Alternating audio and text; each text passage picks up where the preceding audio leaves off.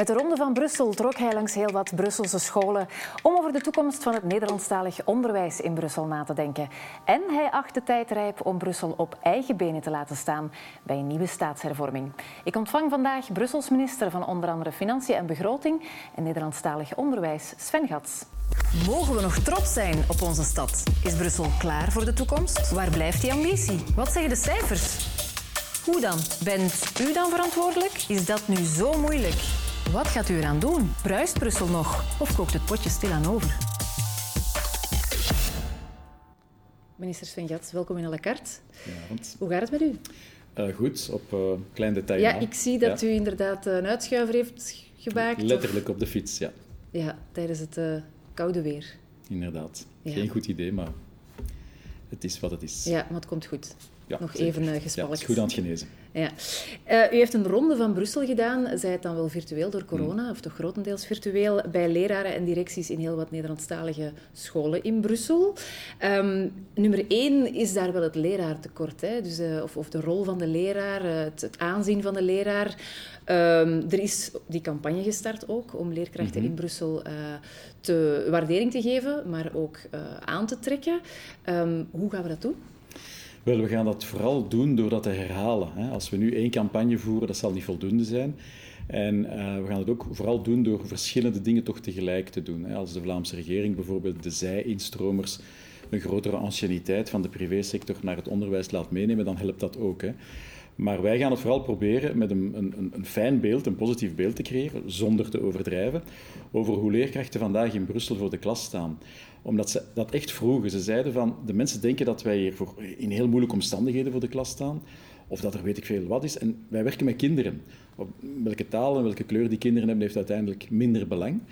En probeer dat eens over te brengen op een, op een toffe manier. Uh, dat gaan we doen. En dan daarna gaan we wel in de, in de campagne, want het gaat een aantal weken en maanden duren, de campagne verleggen naar, uh, ja, word dan ook leerkracht. En niet alleen voor mensen uit Vlaanderen, hè, want dat is de grote meerderheid van de leerkrachten maar toch ook meer en meer Brusselaars. Dat zou wel goed zijn. Ja, inderdaad, want er zijn nu nog niet zo heel veel Brusselse leerkrachten aan de slag hè, in de scholen.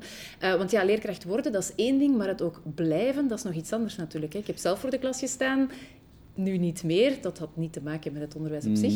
Um, maar er zijn nog altijd veel leerkrachten die weer wegtrekken uit Brussel. Ja, um, dat varieert. Hè. Dus je hebt mensen die, die soms al na een maand of na, na zes maanden stoppen. Of, of soms van, ja, als ik dan dichter bij huis kan lesgeven dan na een aantal jaar. Maar je hebt ook mensen die echt gebeten zijn. Hè. Ik ken directeurs die elke dag met de trein vanuit Hasselt komen. Ik ken iemand die uh, vijf jaar lang in, in, in, of tien jaar lang in Laken lesgegeven had. En ja, met vallen en opstaan, want het is niet altijd even makkelijk. En die dan zei, ja, ik kan een job in Leuven krijgen, daar een jaar lesgegeven heeft, in alle rust, laten we toch wel zeggen zoals het is. En die zei, ik wil terug naar Brussel. Ik kan het niet missen. Dus het is heel afwisselend. Het is niet zo dat alle mensen hier weglopen. Nee, er blijven ook enorm veel mensen plakken. Het zijn die verhalen die je nodig hebt om ja, te promoten ja, en zo natuurlijk. heb ik er veel gehoord, gelukkig ook. Ja, ja. ja, ja want oudere betrokkenheid, dat is ook een van de thema's die naar voren kwamen mm. in de Ronde van Brussel. Hoe ga, ga je dat verhogen? Wel, we proberen daar met het Onderwijscentrum Brussel, dat is onze grote groep van toch bijna 100 mensen die al die scholen ondersteunen, ja, daarin de nodige methodieken aan te reiken. Maar ook daar heb ik gezien in de verschillende schoolteams dat die aanpak heel, heel verschillend kan zijn. Uh, iedereen vindt ouderbetrokkenheid belangrijk. Sommigen gaan het snel opgeven om, om allerlei redenen, maar zijn misschien heel goed voor de klas. Hè? Maar ik heb bijvoorbeeld het team, en ik zal ze nu maar noemen, want ik ben ze niet vergeten, van Imelda gezien op de Nieuwe Systeemweg. Nu toch geen school hè, met, uh, zonder problemen, om het zo maar te zeggen, sociaal en cultureel uh, soms wel wat ingewikkeld. En die hadden een geweldige um, ouderbetrokkenheid door heel kort op de bal te spelen, maar ook als team. En dus wij kunnen wel uh, methodieken geven en zelfs middelen via de brede school, hè, samen met collega Van den Brand. Maar finaal moet je toch een, een stukje een schoolcultuur ontwikkelen. Enfin, moet je, je moet niks, maar je moet het proberen. Om, om die connectie met je ouders echt te kunnen maken. Goh, ja, en dat is elke dag werken eigenlijk. Uh, daar komt het wel op neer. Ja, en hebben leerkrachten daar tijd voor? Want ja. Wel, dat is een goede vraag. In feite hebben ze daar geen tijd voor, of onvoldoende. Maar als ze het doen, um, en dat moet daarom niet met um, meer uren zijn altijd, maar als ze het doen met een aantal kwalita kwalitatieve momenten van oudercontact, individueel of in groep, kunnen ze wel, ja, ja, moet ik het zeggen, dat komt die kinderen ook ten goede. Omdat iedereen mee, veel meer betrokken is bij, bij dat lesgeven. Hè. En dus, dus ja, ze nemen dat, is, dat er eigenlijk bij uit liefde. Ja, eigenlijk wel. Dat is, ik kan het niet beter uh, verwoorden, ja. Ja, ja, ja, liefde voor het onderwijs, dat, dat is er denk ik zeker mm. wel in Brussel. Um, maar ik heb u ook uitgenodigd uh, om het over de uh, staatshervorming te mm. hebben, die er nog niet is uiteraard. Maar er is toch al een ballonnetje uh, opgelaten. Het is gestart bij minister van Binnenlandse Zaken en institutionele hervormingen Verlinde. Um, over een staatshervorming volgens een 2 plus 2 model of vier deelstaten. Mm. Maar Brussel is er klaar voor, zegt u, om een zelfstandig gewest te worden. Wel, langs ene kant is Brussel natuurlijk al een zelfstandig gewest sinds 1989, hè, maar je hebt die, die rare mix met dan ook de gemeenschappen die hier uh, actief zijn. En let op, dat is goed, hè, want Nederlandstalig onderwijs, uh, dat is zeker ook met de steun van de Vlaamse overheid. Maar wat we nu zien, maar dat begon eigenlijk voor mevrouw Verlinden al, een aantal signalen van meneer Magnet uit Charleroi, uh, opgepikt door meneer De Wever in Antwerpen, die blijkbaar toch wel in die lange regeringsvorming ook daarover wel contacten gehad hebben om te zeggen, kijk, wij kunnen het wel met elkaar vinden, Vlaanderen en Wallonië. En, en vinden, ze zullen niet, niet dezelfde eisen hebben, maar ze, ze, zoeken naar een compromis. En het verschil, denk ik, met de vorige staatshervormingen, want ik heb ze bijna allemaal meegemaakt, zo oud ben ik ook al wel, is dat um, je nu ziet dat de Vlamingen en de Walen het wel eens, ik ga niet zeggen onder elkaar zouden willen doen, maar daar waar de Brusselaars vroeger soms, of de Franstalige Brusselaars, op de schoot bij de Walen eh, klommen, um, heb ik de indruk dat de afstand tussen de Walen en de, de Franstalige Brusselaars eigenlijk ook wel vergroot is. Tussen ons en de Vlamingen is dat soms ook zo. Niet omdat we dat willen, hè, of dat de Vlamingen dat willen, maar die, die stedelijke identiteit, dat Brusselaar zijn, is sterker geworden. En dan denk ik dat het beter is om een aantal zaken vooraf voor te bereiden en zeggen, als het effectief zo is, dat je twee grote broers hebt en dan ook nog de Duitsstalige vrienden en wij, kan het misschien ook wel goed zijn om naar een België met vier te gaan, om die spanning telkens tussen die twee grote blokken, Nederlands en Franstalige, een beetje weg te nemen. Zoals in Zwitserland eigenlijk het ook met vier doet. En daar wordt altijd gezegd van, zie eens, daar hebben ze allemaal een zekere eh, zelfstandigheid. Maar ze doen toch nog dingen samen, want dat, dat is natuurlijk wel belangrijk. Hè. Het is dat blijft belangrijk voor u om toch ja, nog, ja, ja, want anders, anders, anders heeft het geen zin. Als het de bedoeling is om enkel naar meer zelfstandigheid te gaan en met de rest niet samen te werken, dan hoeft het voor mij niet. Dan blijf je beter zoals het is. Maar ik denk, als we nu gezien hebben hoe lang een federale regeringsvorming in beslag neemt, ook dat kan te maken hebben met bepaalde processen die we rond die staatshervormingstafel zullen moeten bespreken. Ja, ja het is sowieso complex. Hè. Dat, is, dat is een ja, understatement, denk ik. Vorige week zat Vlaams minister Ben Wijts hier en hij wil in dat, als het een 2 plus 2 model uh, wordt, een Brusselkeuze voor de sociale zekerheid. Ik ga het even tonen. Mm maar u trekt dat door, die Brusselkeuze trekt u dan ook door naar bijvoorbeeld uh, de sociale zekerheid. Ja, verleid mij maar met een beter aanbod op vlak van sociale zekerheid. We zullen eens zien wie het, het sociaalst is. Verleid mij maar met de sociale zekerheid. Uh, denkt u na over een Brusselse sociale zekerheid? Nee, ik denk dat er één ding is dat je heel moeilijk kunt opsplitsen in twee, drie of vier. Dat is sociale zekerheid. Omdat sociale zekerheid dat is een systeem waarbij je zoveel mogelijk mensen in één systeem moet hebben om die rijkdom te kunnen herverdelen. En als je dat gaat opsplitsen, bijvoorbeeld op Brussels niveau, geen goed idee. Daarvoor zijn we niet groot genoeg. Um, en dus dat is nu het enige wat je toch federaal, confederaal, hè, nationaal zal moeten houden. Enfin, het enige, justitie, defensie ook wel. Hè. Maar sociale zekerheid, als je dat doet, dan, dan is het gedaan. En dat is niet goed voor de Brusselaars. Daar komen wij er heel bekijkt vanaf. Ja, en wat met het onderwijs? Want er gaan ook al langer stemmen op om er een Brussels onderwijs van te maken. Het onderwijs is voor mij geen taboe om te regionaliseren. En ik weet dat sommigen dan ah, kijken van, wat, wat, zegt hij nu? Hè? Want uh, die man is begonnen bij de Volksunie... Uh, Vlaams voelend of wat dat dan ook mag zijn. Hè. en dan, hoe voelt u zich nu op dit moment Vlaams? Wel, ik zal u daar een eerlijk antwoord op geven. Uh, 30 jaar geleden voelde ik mij een Brusselse Vlaming als ik in de politiek uh, mijn debuut gemaakt heb.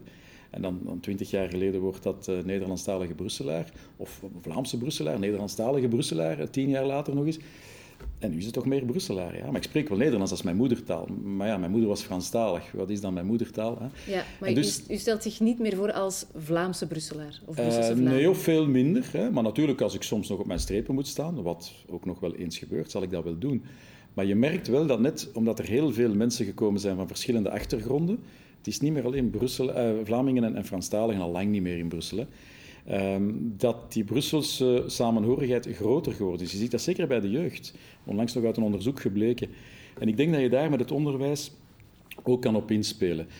Sommigen denken dat wij geld krijgen van Vlaanderen om Nederlandstalig onderwijs te organiseren. Dat, dat klopt niet. In feite is dat een federale regeling waarbij de BTW-inkomsten per gewest verdeeld worden. Zo wordt het wel voorgesteld. Ja, hè, van zo wordt het Vlaanderen, voorgesteld. Maar dat is belangrijk. Het klopt niet. Nee, nee, het klopt niet. En wij zouden dus ook kunnen aanspraak maken op voldoende middelen om, om, om dat hier te doen. Nu, dat is geen doel op zich. Ik vind het alleen maar de moeite waard. Wat, wat is geen doel op zich? Het, ne het, uh, het Nederlandstalig onderwijs gewestelijk maakt. Dat is voor mij echt geen doel op zich. We kunnen het ook houden zoals het nu is.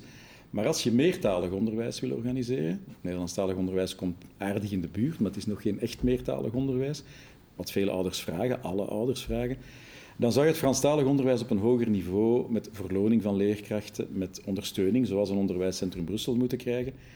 En dan moet je natuurlijk wel centjes hebben, want met de huidige centen gaat dat niet lukken. En, en dan, in mijn visie, in mijn plan, zouden we toch een deel van de personenbelasting, die nu betaald wordt, hè, iedereen betaalt die waar hij uh, woont, hè, terwijl in andere landen betaal je dat waar je werkt. En ik vind dat daar een andere verdeling zou moeten zijn. Zodat ja, u pleit ervoor omdat eigenlijk inderdaad waar u werkt, ja, dat daar minstens voor een belasting deel. betaald wordt. En maar al... gaat, gaat, gaat u dat gedaan krijgen van Vlaanderen en Wallonië? Wel, dat is heel moeilijk, laat dat duidelijk zijn. Uh, niemand zit daarop te wachten, want iedereen moet altijd iets afgeven. De vraag is, wat wil iedereen er rond de tafel en hoe zullen de delegaties samengesteld zijn? Vroeger was het, was het duidelijk, je had de Vlaamse en de Franse politieke partijen, en, of Franstalige politieke partijen, en als dat zo weer is, dan gaat er niet zoveel veranderen. Maar dan moet je het misschien ook beter niet aan morrelen. De chipotage, om het nu eens op zijn Brussels te zeggen, dat, dat, dat, moeten we niet meer hebben. Als je het grondiger wil doen, en dan ga je waarschijnlijk wel meer gewestelijke delegaties hebben. Ik voel dat toch ook, tenzij mijn politiek instinct mij bedriegt, dat kan. Uh, binnen de Brusselse regering, in het Brussels parlement. En dan kun je andere dingen doen. We moeten ook geen schrik hebben van de toekomst. Hè. Je moet natuurlijk een aantal waarborgen hebben, en dat zal je altijd moeten hebben. Ja, waarborgen misschien ook wel voor de Nederlandstaligen in ja. Brussel, want we zijn hier een minderheid. Ja. We zijn niet de enige minderheid, uiteraard. Maar ga ik over tien jaar bijvoorbeeld nog wel in het Nederlands geholpen worden aan het gemeenteloket? Wel, zolang de economie in Brussel het goed blijft doen en je om werk te vinden Nederlands moet kennen, Frans, Nederlands en ook meer en meer Engels en ook andere talen, zal dat Nederlands zo belangrijk blijven dat er meer mensen Nederlands leren dan dat er Nederlandstaligen zijn. Hè? Allee, Vlamingen zijn of degenen die zich zo willen noemen. En dus ik heb daar geen schrik voor, omdat het een economisch gegeven is. En economie... hoe, gaat, hoe, gaat, u dat kunnen afdwingen? Want de dag van vandaag zijn er ook al taalwetten en die worden ja. niet helemaal nageleefd. Nee, uh, dus ze worden wel voor een deel nageleefd, voor een groot deel zelfs, zoals in de gewestelijke instellingen. Maar uh, je gaat die, die taalwet wel moeten moderniseren en dat ga je op federaal vlak moeten doen. Dat mag je niet op Brussels niveau tussen Nederlands en Franstalig in Brussel overlaten. Je gaat een aantal federale afspraken om samen te leven wel nog altijd moeten maken. En een van die dingen zal zijn, laten we die taalwet moderniseren, laten we ervoor zorgen dat we meer mensen sneller, makkelijker, meertalig kunnen maken. En dan kom je toch ook weer bij mijn onderwijs terecht. Alles hangt aan alles. En we, die taalwet benaderen wij vandaag nog altijd uit een kramp. Dat is een wet uit 66, een jaar voor ik geboren werd. Die is niet future-proof, om het nu eens in het Nederlands of slecht Nederlands te zeggen. En ik geloof wel dat we een aantal dingen nu eens moeten herijken. Want anders zijn we gewoon het oude België, laten we zeggen, eh, een bovenlaag aan het maken met dat federalisme in zeven staatshervormingen. En je moet nu toch wel eens een aantal tellers. Ik weet dat in de politiek moeilijk is, misschien is het onmogelijk, maar je moet proberen om een aantal tellers op nul te krijgen. Anders dan zakt het langzaam weg en daar heeft niemand wat aan. Ja, hoog mikken om dan te kijken waar we ja. landen. Ja. Dat is het een beetje. Bedankt voor uw komst en ook bedankt thuis om te kijken. Volgende week is het opnieuw aan Lucas.